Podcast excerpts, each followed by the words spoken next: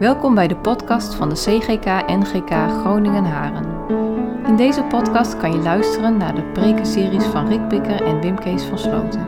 Je luistert nu naar de serie preken over de Heidelbergse catechismus.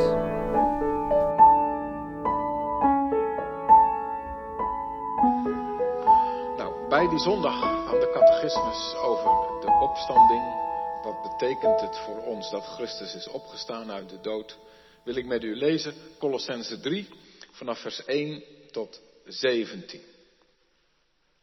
En daar zegt Paulus, als u nu met Christus tot leven bent gewekt, streef dan naar wat boven is. Waar Christus zit aan de rechterhand van God. Richt u op wat boven is, niet op wat op aarde is. U bent immers gestorven en uw leven ligt met Christus verborgen of geborgen in God. En wanneer Christus uw leven verschijnt, zult ook u in luister verschijnen, samen met Hem. Laat dus alles wat aards is in u afsterven. Ontucht, zedeloosheid, hartstocht, lage begeerte, hebzucht. Hebzucht is afgoderij. Want om deze dingen treft God storen degenen die hem ongehoorzaam zijn. Vroeger hebt u ook die weg gevolgd. Hebt u ook zo geleefd. Maar nu moet u alles wat slecht is opgeven. Woede en drift. Luis, laster en vuile taal. Bedrieg elkaar niet langer nu u de oude mens en zijn leefwijze hebt afgelegd en de nieuwe mens hebt aangetrokken. Die steeds vernieuwd wordt naar het beeld van zijn schepper en zo tot inzicht komt. Dan is er geen sprake meer van Grieken of Joden, besnedenen of onbesnedenen, barbaren, skieten, slaven of vrije, maar dan is Christus alles in allen. Omdat God u heeft uitgekozen. Omdat u zijn heilige bent. Omdat hij u lief heeft, moet u zich kleden in innig meeleven. In goedheid, nederigheid, zachtmoedigheid, geduld. Verdraag elkaar, vergeef elkaar als iemand een ander iets te verwijten heeft. Zoals de Heer u vergeven heeft, moet u elkaar vergeven. En bovenal, kleed u in de liefde. Dat is de band die u tot een volmaakte eenheid maakt. Laat de vrede van Christus heersen in uw hart. Want daartoe bent u geroepen als de leden van één lichaam. Wees ook dankbaar. Laat het woord van Christus in al haar rijkdom in u wonen. Onderricht en vermaan elkaar in alle wijsheid. Zing voor God met heel uw hart psalmen, hymnen en liederen die de geest u vol genade ingeeft. Doe alles wat u zegt of doet in de naam van de Heer Jezus, terwijl u God de Vader dankt door Hem. Eerst dus samen zondag 17 van de catechismus lezen. En daarna heb ik een uh, Bijbelvers dat ik als motto van de preek wil gebruiken, zoals vorige week ook. Maar eerst zondag 17, en dat is een hele korte. Eén vraag met drie antwoorden. Wat is voor ons de waarde van de opstanding van Christus? En dat is het eerste antwoord. Ten eerste heeft hij door zijn opstanding de dood overwonnen om ons te doen delen in de gerechtigheid die hij door zijn dood voor ons had verdiend. Dus dat is eigenlijk toen, lang geleden. En dan gaan we naar nu. Antwoord 2 gaat over nu. Ten tweede worden ook wij door zijn kracht nu al opgewekt tot een nieuw leven. En dan is er een derde antwoord en dat gaat over straks. En dat zegt, ten derde is de opstanding van Christus voor ons een onderpand van onze opstanding in heerlijkheid. Tot zover de catechismus. En dan, uh, uh, als dat mag, Alian, dan wil ik nu graag even Romeinen 8, vers 11. Kijk, en ook nog in de goede vertaling. Goed gewerkt, Alian. Kan niet laten om dan toch weer met jullie uit te komen bij Romeinen 8. Dat moet gewoon af en toe. Um, want als de geest van hem die Jezus uit de dood heeft opgewekt in u woont. Dus als de geest van God in u woont, die Christus heeft opgewekt, zal hij die Christus opgewekt heeft, ook uw sterfelijk lichaam levend maken door zijn geest die in u woont. Zie je? Paulus die zegt hier, de Vader die Jezus uit de dood heeft doen opstaan, die doet dat ook in onze levens. Nou, en zo worden ze aan elkaar verbonden en dat gaan wij uh, zien. Voor de non-Dutch speaking uh, congregation members of this afternoon, um, we read a part of the Heidelberg Catechism, uh, one of the confessions of faith in our churches. And it is about uh, Jesus has risen from the dead. He is alive.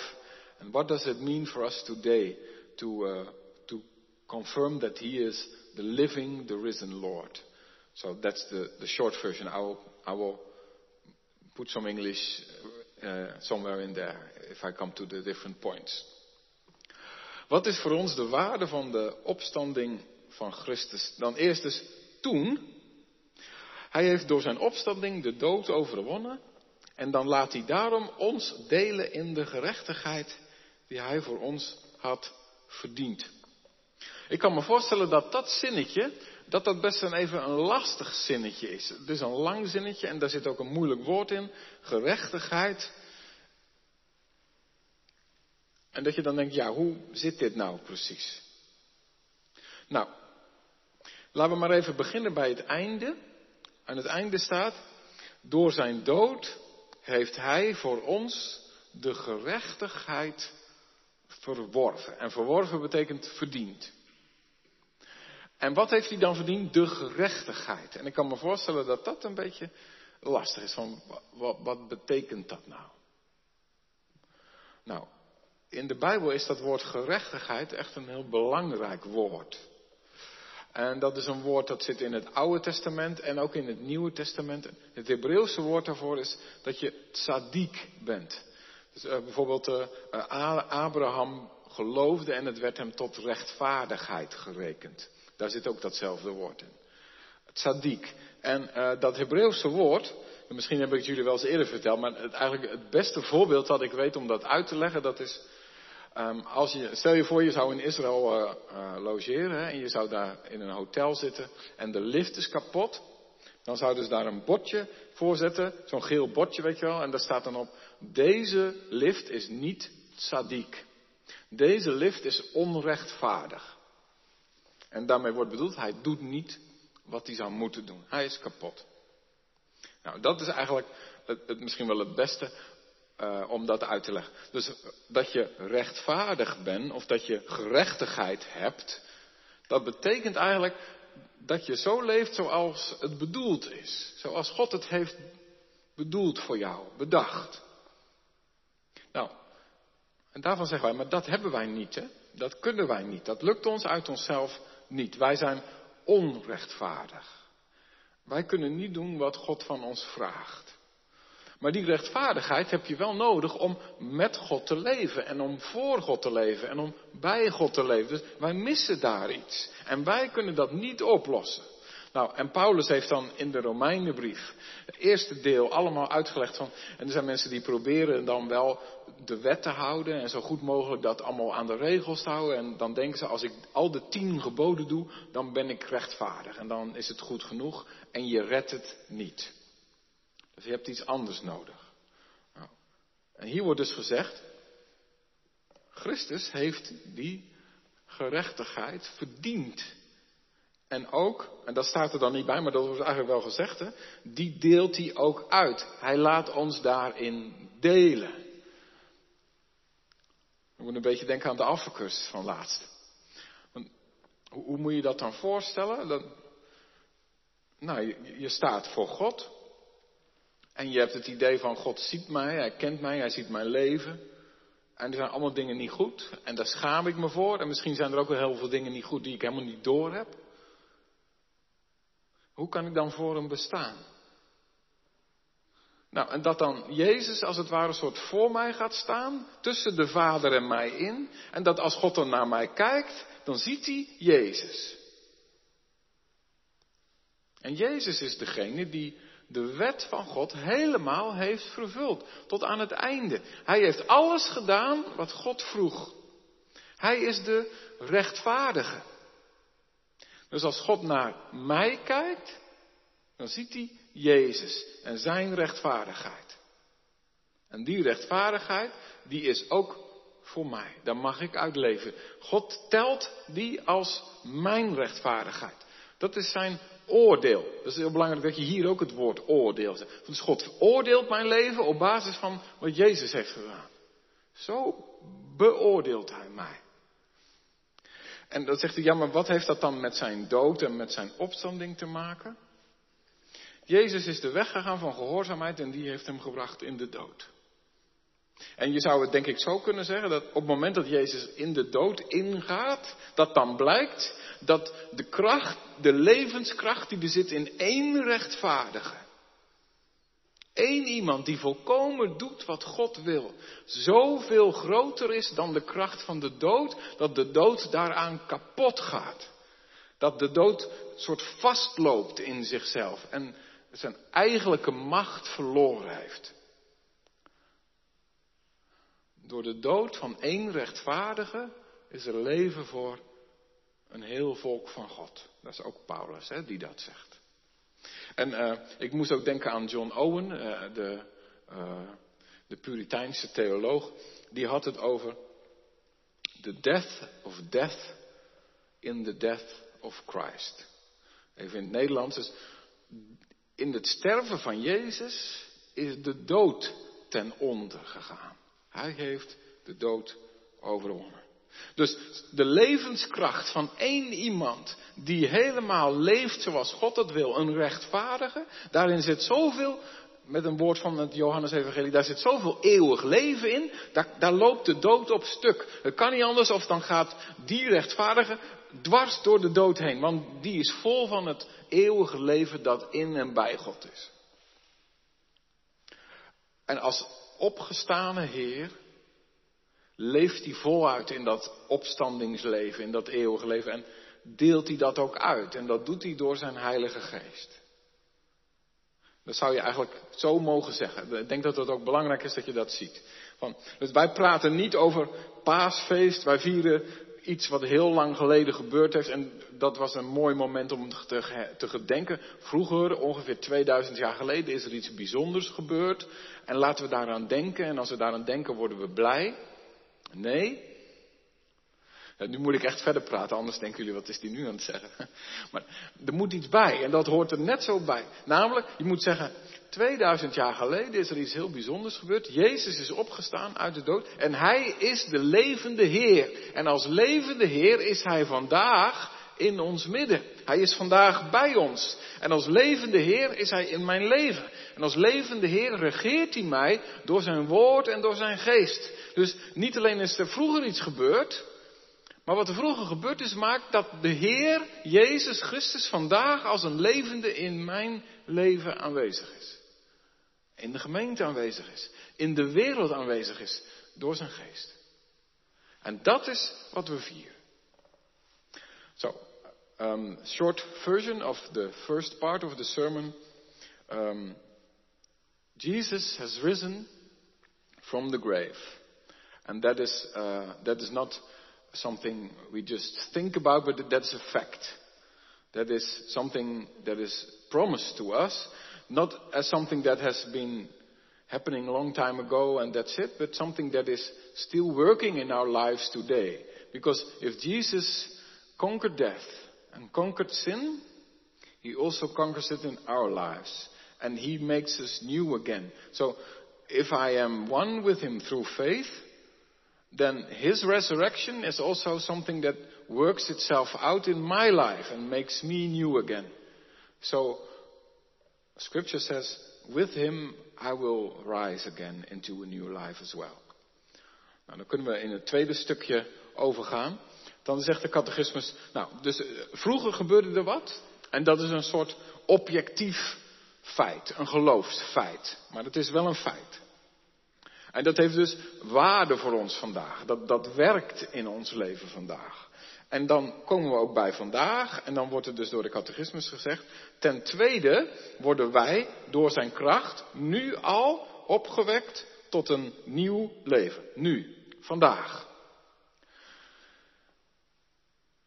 Daarmee bedoelt de catechismus dit. Als ik door het geloof één ben met Jezus, dan woont zijn geest in mij.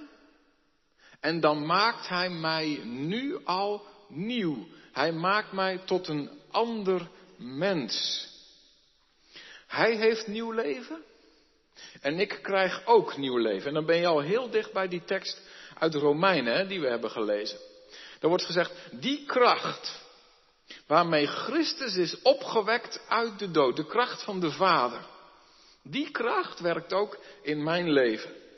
En moet je eens opletten, dat is wel heel mooi, dat als Paulus die connectie maakte tussen de opstanding van Jezus en mijn opstanding, dat, dat Paulus dan heel vaak die woorden gebruikt die passief zijn. Dus niet Jezus is opgestaan, dat beleiden we ook, maar soms kun je het ook in deze manier zeggen, hij is opgewekt. Dus eigenlijk gebruikt Paulus die woorden op zo'n manier dat je eigenlijk daarbij denkt, er is een, de Vader in de hemel, die tegen zijn zoon heeft gezegd, mijn, ik zeg het even in mijn woorden, mijn lieve jongen, sta op uit de dood, ontwaak, gij die slaapt. En toen heeft de vader zijn zoon uit de dood wakker gemaakt en hem nieuw leven gegeven. Dus dat is de kracht die de vader gaf aan de zoon om uit de dood op te staan tot een nieuw leven. Dat is hoe Paulus het zegt. Hij heeft hem opgewekt. Nou, dat zegt Paulus zo omdat hij zegt, die kracht waarmee Jezus is opgewekt, die kracht werkt door de Heilige Geest in mijn leven ook. Die maakt dingen nieuw. Die maakt in mij dingen nieuw. Dat is de kracht waarmee God sprak, laat er licht zijn en er was licht. Dat is de kracht waarmee God zei, laat er uh, bomen en planten groeien. En het groeide er. En dat is de kracht waarmee hij zei, mijn jongen sta op uit de dood. Iets wat er niet was, dat ontstaat opeens, omdat hij het roept. En zo roept hij ook jou en mij. Mijn lieve kind, word wakker, sta op uit de dood, word nieuw. En dan maakt hij je een ander mens. Dan maakt hij je tot iemand die niet meer van hem wegvlucht, omdat je hem niet vertrouwt, omdat je bang voor hem bent, omdat je een zondig mens bent en een besmet mens, maar dan maakt hij je tot iemand die hem nodig heeft en die hem zoekt en die naar hem verlangt en die naar hem uitziet en die hem opzoekt en die iets van hem verwacht. En die verandering, hè, dat is echt heel mooi om dat op deze manier te bekijken, omdat dat een verandering is die kan je niet zelf maken. En daar lopen heel veel mensen op stuk. Ik heb het idee dat ik mezelf anders moet maken, maar ik weet niet hoe dat moet. Nee, dat kunnen wij ook niet. Maar God kan het wel. Want het is de, de macht die nodig is om iemand uit de dood op te wekken. Die macht heb je nodig. En die macht heeft God. En die wil die in je leven neerleggen en laten werken. En daarom praten we dan ook over, over opnieuw geboren worden. Je bent een echt ander mens. Ik ging eerst die kant op, zo hard mogelijk bij God vandaan. En wonde boven wonden, ik ga nu een andere kant op. Ik ben naar Hem op weg. Ik verlang naar Hem. Ik zie naar Hem uit. Ik wil bij Hem horen. Ik wil bij Hem zijn. En de mooie is dus dat Paulus zegt van, laat dat nou ook een ontspanning voor je zijn. Dat dat nieuwe leven, wat ik verlang en wat ik soms ook mis bij mezelf. Het voelt soms zo doods, dat geloof, en zo door. En ik beleef er soms niet zoveel van. En denk ik, waar ben ik nou voor halfbakker christen? En, en denk, waar moet ik dat vandaan slepen? Dat is zijn kracht. Door zijn kracht worden wij opgewekt tot een nieuw leven. Zie je? Als je het zo zegt, dan zeg je, dat hoef ik niet te doen, dat doet hij. Hij wekt mij op. Hij maakt mij nieuw. Eh, dus vraag erom. Maar tegelijkertijd, gemeente, en daar wil ik er wel bij zeggen. Nou, eigenlijk wil ik dat niet bij zeggen, maar Paulus zegt dat erbij. We hebben Colossense 3 gelezen. En Paulus die zegt van, en tegelijkertijd is dat dus niet zoiets waarvan je dan moet zeggen, ja, nou ja goed, Jezus is opgestaan, hij geeft mij nieuw leven. Ja, dat moet ik ook maar ontvangen. Dus ik, nou, moet maar wachten tot dat ook een beetje bij mij komt en dan zien we het wel of het komt of niet. nee, met dat dat je beloofd wordt, hè, van hij wil je opwekken uit de dood, Zegt Paulus, en, laat dat nou voor jou de reden zijn om dan niet te zeggen, nou ja, we zien wel wanneer het komt. Maar laat dat dan een reden zijn om daarnaar te zoeken, om daarnaar te vragen, om daarmee bezig te zijn. Colossense 3. Als u met Christus tot leven bent gewekt. Zie je hier weer die, dat passief. Hè? Van, je bent niet opgestaan, maar je bent tot leven gewekt. Je bent opgewekt uit de dood door hem. Als dat zo is, hè, en daarmee bedoelt hij niet van, nou ja, dat, we weten niet of dat echt lukt, maar hij bedoelt van, als dat nou waar is, hè, als dat voor jou geldt, dan streef dan naar wat boven is, waar Christus zit. Richt u op wat boven is. Laat, u, laat het aardse in u afsterven. Dus hij zegt van, als je die werkelijkheid kent, laat dat dan een reden zijn om Hem te zoeken. Om je daar ook voor in te spannen. Dus twee dingen zegt de schrift tegelijk. Aan de ene kant, God doet het. Hij maakt jou levend. Hij wekt je op. En tegelijkertijd, ja, en ga dan zoeken. Ga dan vragen. Ga dan verlangen. Ga dan uitzien. Ga je daar dan op richten. Want je kunt je niet op twee dingen tegelijk richten. Op Christus die mijn koning is. En op mezelf en ik die alles wil voor mij. Dat kan niet. Dat zijn, die strijd hebben we het al eens eerder over gehad. Hè? Dus Paulus spoort ons aan om dan ook Christus te zoeken. En dan zegt hij, laat wat aards in u is afsterven. En dan komt de hele lijst van narigheid. Ontucht, zedeloosheid, hartstocht, hebzucht. En dan zegt hij, dat, dat, ken je wel die dingen, want dat, dat staat ook in jouw leven. Maar nu ben je van hem. En daar moet je ook afstand van doen. Daar moet je afscheid van nemen.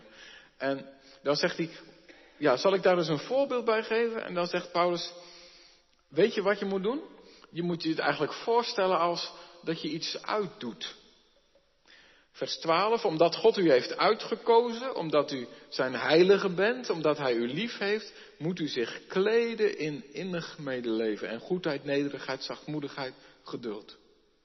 Dus hij zegt, elke keer moet je je bewust worden van, hé, hey, er zit weer wat in mijn leven wat niet hoort bij Christus die heerschappij heeft.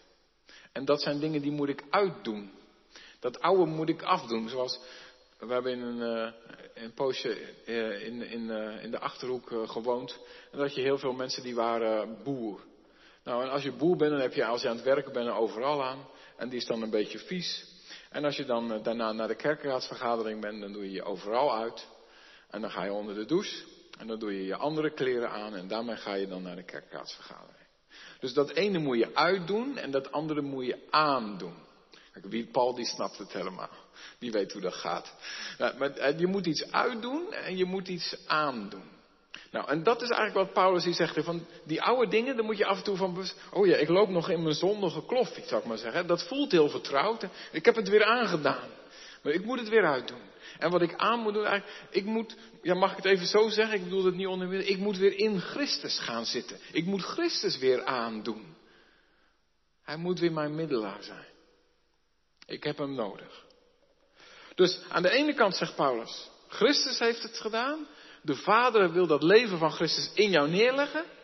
Hij wekt jou op. En tegelijkertijd zegt Paulus, hè, en doe hem dan ook elke keer aan. En doe dat andere elke keer uit. Dat is een aansporing. Maar we zijn nu al opgewekt tot een nieuw leven. So in English, uh, short, the second part was, if Jesus Christ has risen from the dead, he has a newness of life which is available to us as well. And uh, the scripture says, um, the Father has made his son rise out of the grave. And so he will make us rise again. He will make us new again so that we will live in fullness of life through the Spirit. So there is newness of life for us available, which is only to be found in Christ alone. And he will make us to new persons. We will be born again. Before we know in Christ, we fled from God. And now we flee sin. And before we were born again in Christ, um, we feared God. And now we trust Him and we learn to love Him through the work of Jesus Christ. The short version of the second part. En dan nu het derde. En dan zegt Paulus, of dan zegt de catechismus, maar er is nog een stukje, niet alleen maar over wat die opstanding van Christus vandaag voor mij betekent, maar ook wat dat naar de toekomst toe, straks Zie je, hoe, groot dat bereik is van die opstanding? Hè? Dat, dat, dat is iets wat tot een eeuwigheid gevolg heeft. Ten derde is de opstanding van Christus voor ons een onderpand van onze opstanding in heerlijkheid. Ja, dat is een hele mooie. Je kan er wel eens over, uh, over nadenken, over piekeren. Van, uh, komt het allemaal wel goed met deze wereld? En uh, ik zei het net al een beetje, van, ja, dat wordt ons dan wel beloofd, dat de dood is overwonnen en dat de, de zonde is overwonnen. Maar ik zie het niet. En heel vaak proef ik het niet. En heel vaak is er van alles in onze levens dat dat heel hard weer spreekt. En dat schudt ook aan ons geloof. En dat maakt ons soms ook wankelmoedig. En hoe vind ik dan houvast in zo'n strijd en in zo'n aanvechting en in de moeite van het leven? En dan zegt de catechismus, als je mag beleiden dat Jezus is opgestaan. En als je ook mag weten dat jij met hem bent opgestaan, dan mag je naar voren kijken en zeggen, dan zal hij ons met hem ook voor de Vader uh, stellen. Dan zal ik ook met hem verheerlijkt worden. Zijn opstanding is een onderpand, en dat is eigenlijk een moeilijk woord voor, ja, een soort garantie. Of een soort een cheque die je uitgereikt krijgt. Kijk, dit is wat er voor jou klaar ligt. Een ander woord dat in de Bijbel hiervoor wordt gebruikt is het woord eersteling. Hij is de eerste van vele broeders. En zoals hij als eerste door de dood is heen gegaan en de dood ook heeft kapot gemaakt, de death of death, in the death of Christ. Zo mag ik weten dat de dood ook voor mij uh, ja, niet iets is waar ik in gevangen raak en verstrikt in raak, maar door de dood heen zal ik opstaan tot, tot de heerlijkheid van de Vader. En op die manier, gemeente, mogen wij ook met hoop en met uitzicht naar voren kijken. En elke keer als we twijfelen en als we wankelmoedig zijn, zeggen maar, hij is opgestaan en ik mag met hem leven en eens zal ik hem weer zien. En ik denk gemeente dat er in deze tijden weinig boodschappen zijn die belangrijker zijn om te horen dan deze. Hier is een houvast. Ook als we strijden en als we het moeilijk hebben. Ook als we soms uh, ons afvragen van hoe, hoe weet ik nou wat echt vast is en zeker. Nou, deze. Christus. En ik denk ook elke keer gemeente dat we daar naartoe moeten.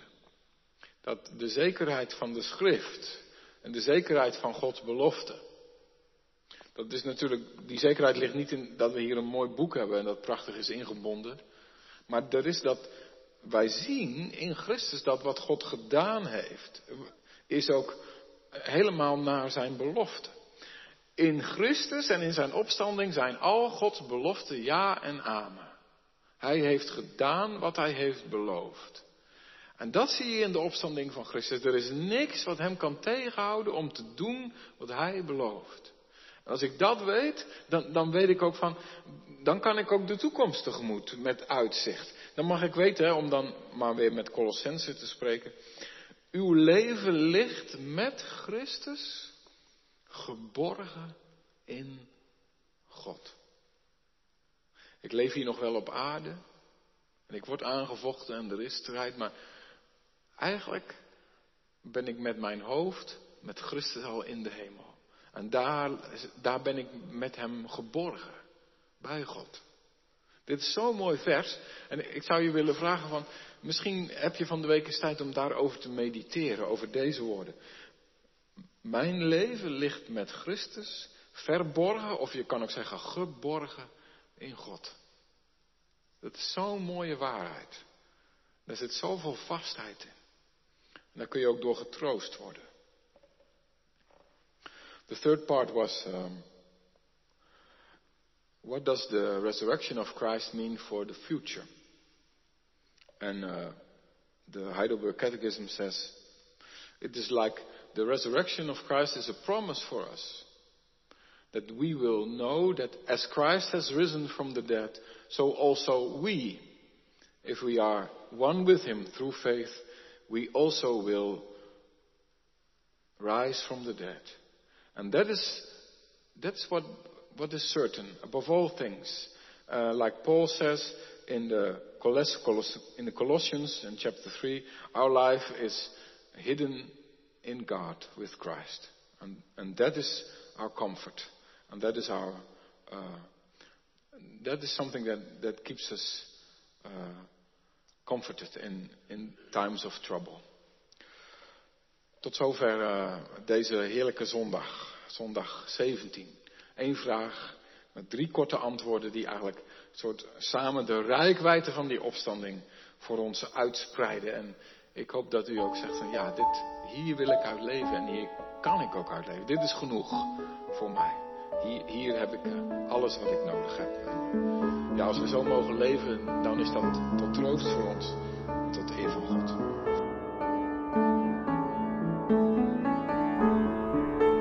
Bedankt dat je naar deze podcast hebt geluisterd. Wil je reageren? Stuur dan een e-mail naar podcast.cgk-gn.nl. Hopelijk tot de volgende aflevering.